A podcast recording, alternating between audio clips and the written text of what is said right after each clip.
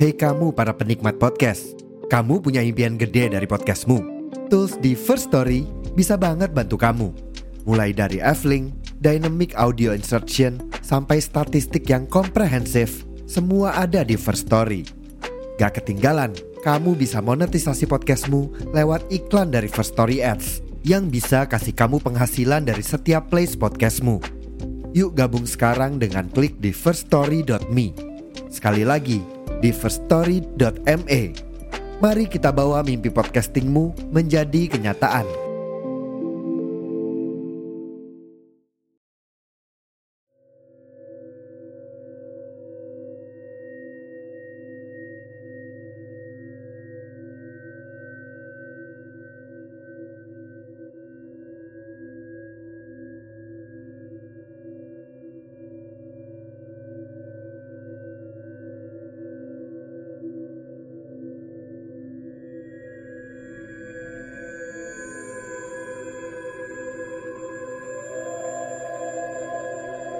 Halo listener podcast Maskur, kembali lagi bersama kami. Saya Rayhan Alif. Saya Rizi Ramadhani. Nah, kali ini kita akan membacakan horror tweet di Twitter dari Karjan Malang. Judulnya adalah Jalur Tengkorak. Dalam proses peratanan tanah, itulah ditemukan ratusan tengkorak kepala manusia. Tengkorak-tengkorak dari kuburan massal mayat-mayat PKI yang dulu disembelih beramai-ramai. Aku melihat pesan yang berderet-deret membajak. Kijing-kijing putih yang tertata dengan kuatnya. Persis sama pula dengan pemakaman-pemakaman yang biasa kita lihat di mana-mana pada saat ini. Panjangnya kuburan itu sekitar 500 meter. Mulai dari pohon asam besar tua itu sampai ke lorji pabrik gula, bangunan tua peninggalan Belanda. Dan kalau kau tidak bisa melihat dengan mata batin, ya akan nampak seperti jalan aspal biasa saja. Pada aslinya adalah kuburan. Jadi, jalanan beraspal yang biasa kita lewati sekarang ini, di bawahnya pasti ada mayat-mayat yang dikubur. Dan wilayah sekitar lorji bangunan tua Belanda itu, dulu awalnya adalah berdiri yang kemudian diratekan untuk ladang. Dan dalam proses perataan tanah itulah ditemukan ratusan tengkorak kepala manusia yang baru-baru sekarang ini kau ketahui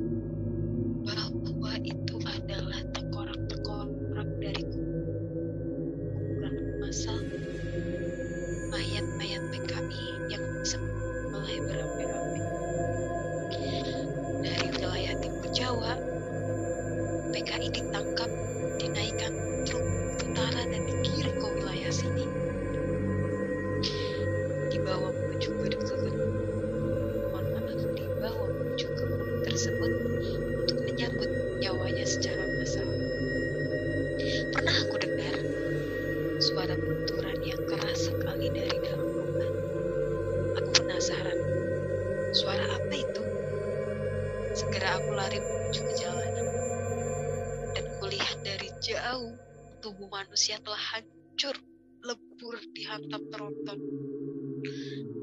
Ceritanya begini. Orang bersepeda itu terserempet sepeda lainnya dan kemudian ia jatuh. Ia berusaha berdiri dengan tangannya meraba-raba aspal untuk mengangkat tubuhnya.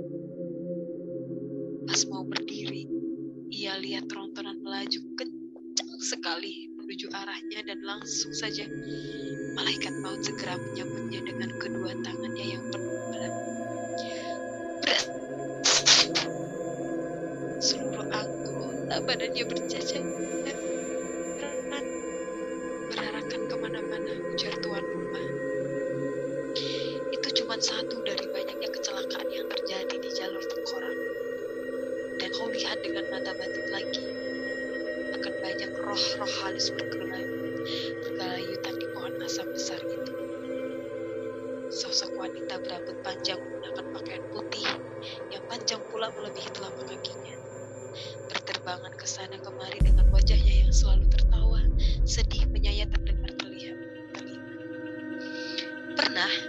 ada anak kecil hilang di bawah di bawah pohon besar itu.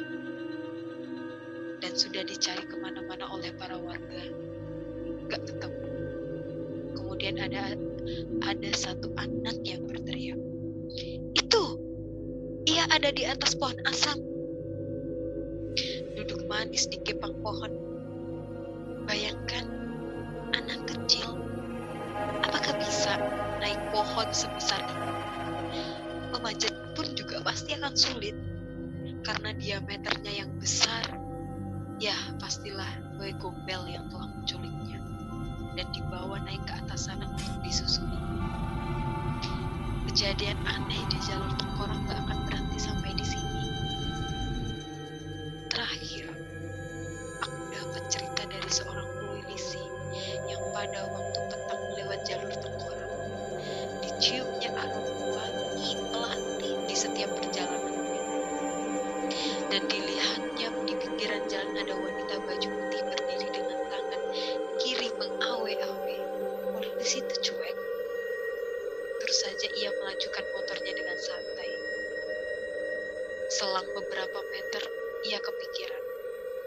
siapa kau wanita itu dan akhirnya ia memutuskan untuk kembali dicarinya wanita itu.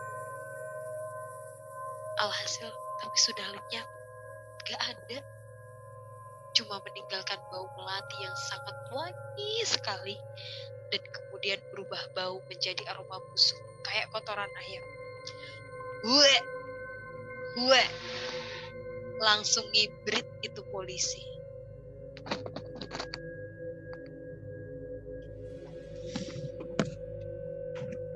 Dan bau busuk itu kembali kucium aromanya sekarang ini. Busuk, busuk sekali.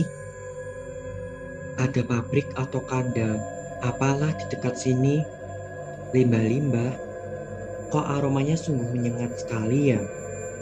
Sampean juga menyiumnya kan? Kayak aroma kotoran ayam potong atau malah kayak bau gondong mayit. Tidak, tidak ada bu, jawab tuan rumah. Ini juga saya baru barusan mencium aromanya.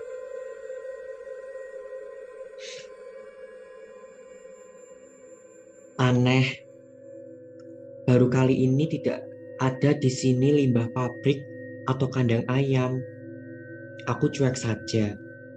Bersama aroma busuk yang menyengat, kulahap saja habis tandas. Semangsok, semangkok engsle yang dihidangkan si tuan rumah di musim hujan deras begini tanpa sisa. Mumpung masih anget, memang betapa dingin sore ini. Dan aku sangat butuh sekali asupan kehangatan. Adakah mungkin di sini yang bisa menghangatkan aku lagi selain engsle? Wudhu dan doa menyelamatkanku dari incaran makhluk maut di jalur tengkorak dua. Hujan masih setia di jalur tengkorak, walaupun sisa airnya nggak sampai mengenang, menggenang aspal pada jalanan hitam tersebut, tapi rintikannya cukuplah membuatku agak tersamar dalam pandangan mata saat ku mengendarai motor. Aku berkendara dengan kecepatan yang standar seperti pada umumnya, di angka 60 pada layar speed speedometer red magic. Sebelum pulang, ku sempatkan pula ambil wudhu sembahyang asar jamaah dengan para guru. Alhamdulillah, buat sedikit tenang hati dan pikiran kalau pulang pas di jalanan. Ya, sembari pulang menunggu hujan ini agak agar sedikit reda nggak deras-deras amat. Huh, ku ingat selalu dulu kala di asrama Jawan waktu kuliah, selalu bersolawat. Manakiban ke mana pun para anak-anak asrama pergi. Di jalan, Di mana pun kaki ini melangkah, mulut ini tak pernah berhenti bersolawat. Dengan sebelumnya didahului dengan berwudhu dulu pastinya. Agar terhindar dari mara bahaya di jalan yang penuh netan jalanan. Usahakan kalau mau pergi harus wudhu dan berdoa ya. Nanti bisa kau rasakan sendirilah hasilnya. Mau celaka tidak jadi, mau kecelakaan tidak. Karena Allah masih melindungi kita. Ya, kalaupun kau celaka tetap saja. Celaka atau musibahnya nggak parah-parah amat. Belum sampai mati kata para tertua asrama dulu. Alhasil, sekarang dua ilmu itu kuamalkan dalam ku pergi mencari sesuap nasi. Dan lantunan solawat terus terucap lirih di bibirku setiap aku berkendara. Dan ketika itu pula, lantunan itu langsung terhenti tak kala refleks aku lihat lubang di jalan di depanku. Seketika kedua tanganku mengerem mendadak dan langsung mengempas ke jalanan basah tergelincir di jalan aspal yang licin. Aku berseluncur di aspal. Lumayanlah, walau nggak sampai 10 meter. Tapi itu cukup buat kaki kananku beset-beset dan sedikit mengelupas pada sekitar sekitar jempol kaki kanan. Sepatu coklatku nggak tahu jadi apa modelnya dimakan aspal basah itu. Kaki ada meninggalnya meninggalkan bekas menghitam, lembab, dan cekat-cekut pastinya. Aduh, diolesi sama minyak tawon oleh ibu. Sakitnya nggak begitu perih sih, tapi jantung ini deg-degannya nggak berhenti-henti. Kaget, benar-benar lubang jia, jalan sialan. Aduh, rasanya cekat-cekut, bengkak lagi tapi lumayan lah jadi kelihatan gemuk, bengkak. Hehehe. Orang-orang segera menghampiriku saat kejadian. Mereka berseloroh. Mbak, mbak, mbak, aduh, kasihannya sampean mbak. Untung di belakangnya sampean gak ada mobil mbak. Atau truk tebu. Coba kalau ada mobil yang melaju kencang atau truk yang menderu-deru. Bisa-bisa dilindasnya sampean yang kurus kering ini mbak. Tapi untunglah, syukur mbak. Untung, untung sampean mbak. Padahal sudah sehari ini tiga kali kecelakaan jatuh di sini. Termasuk sampean mbak. Dan mbak yang korban yang paling beruntung. Cuman beset gores di kaki saja. Padahal kecelakaan di sini rata-rata sudah mati mbak. Kanker jalan ini mbak. Pagi tadi dua langsung masuk UGD ya ini gara-gara jalanan yang kroa ini memang sialan. Jalan tengkorak masih diselimuti misteri sampai sekarang.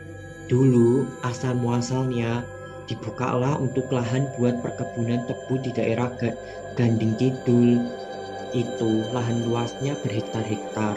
Setelah dicangkul, babat alas, eh ditemukan banyak tengkorak manusia-manusia terpendam. Sepertinya bekas kuburan massal entah kuburannya apa dan siapa yang dipendam di situ, dipendam di situ, nggak ada seseorang pun yang tahu. Cuman sekarang disisain itu tengkorak-tengkorak yang putih membisu itu. Tanpa bisa berkata-kata, kenapa sampai dikubur di situ. Dan sejak saat sejak saat itu, jalanan ini sering terjadi hal-hal yang ganjil, kecelakaan. Makanya orang-orang menamainya dengan nama jalur tengkorak agar para pengendara yang melintas jalan ini hati-hati tidak ngebut. Itu tertulis pada sebuah blabak dengan cat kayu hitam putih merah dan dipaku tertancap di pohon asem besar yang tertanam gagah menjulang tinggi di pinggir jalan. Aduh, kaki ini bengkak. Untunglah berkat wudhu dan bersalat terus, malakul maut gak sampai hati menjemputku sore ini. Sore ini selesai.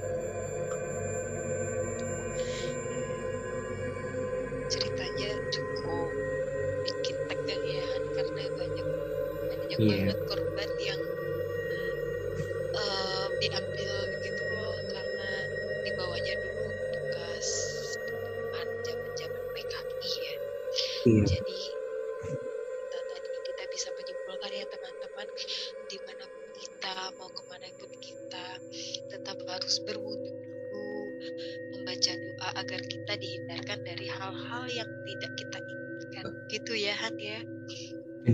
Jadi memang kita bisa ambil pelajaran juga di kisah ini untuk selalu berdoa juga ya Mak Zia dan teman-teman listener di mana pun kita berada harus selalu mengingat Allah. Tentunya juga harus uh, selalu senantiasa berzikir bersolawat karena memang itu yang kita nggak ada yang tahu ya kapan maut itu kapan datangnya. Tapi kalau kita selalu berzikir dan selalu mengingat Allah insya Allah uh, di mana pun kita berada pasti akan selalu dalam lindungannya. Amin. Karena tanggal sial tanggal kematian tuh nggak ada di tanggalan nggak ada yang apa ya antaranya oh hari ini kamu tinggal itu nggak ada. Jadi emang dari kita harus ekstra jaga diri atau iya karena banget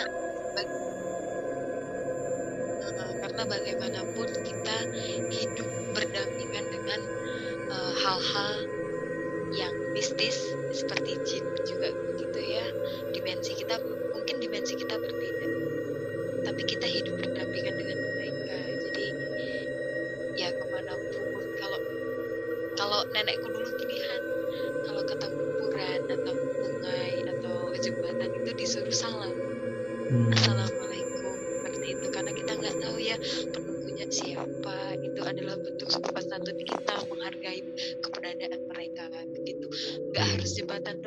di mana pun berada kita berada kita harus mengucapkan salam berdoa berwudu itu lebih baik kalau kita mau keluar apalagi perjalanan jauh seperti iya kita bakal banget mudik kayak gitu.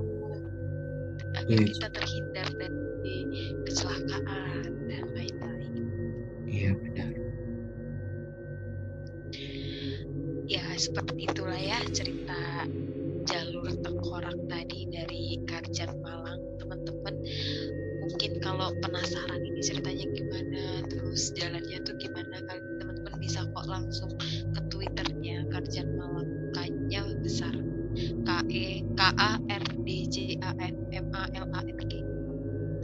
bisa baca tweetnya bisa melihat Jalannya, situasi jalannya seperti apa. Iya jalannya seperti apa.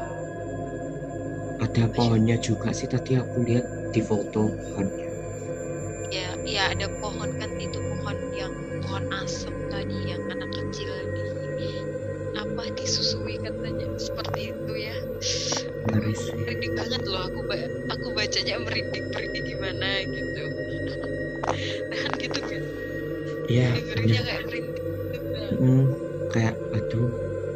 kita harus makanya di mana pun kita berada harus selalu mengingat Allah Subhanahu Wa Taala selalu berdoa agar kita selalu dalam perlindungannya. Amin.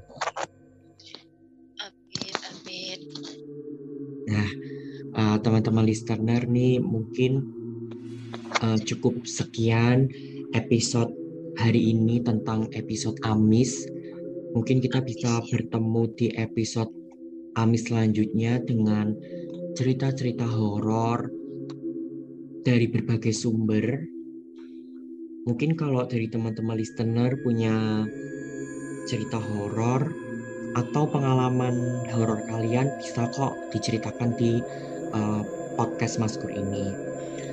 Oke teman-teman, sebelum saya dan Nazi pamit, jangan lupa untuk selalu follow sosial media dari Maskur Podcast untuk Instagramnya at maskur.podcast double S double R dan untuk TikTok TikTok dan Twitter kita apa Mak Zi?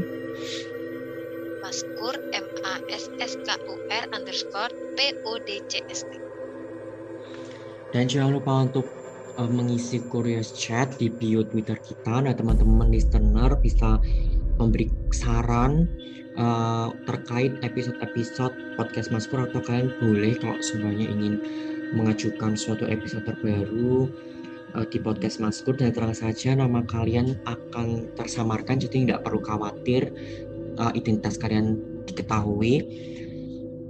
Mungkin sekian episode kali ini uh, mungkin sedikit pesan tetap harus jaga kesehatan di mana pun kalian berada dan selalu berdoa di mana pun kalian berada agar selalu dalam perlindungan Allah Subhanahu Wa Taala.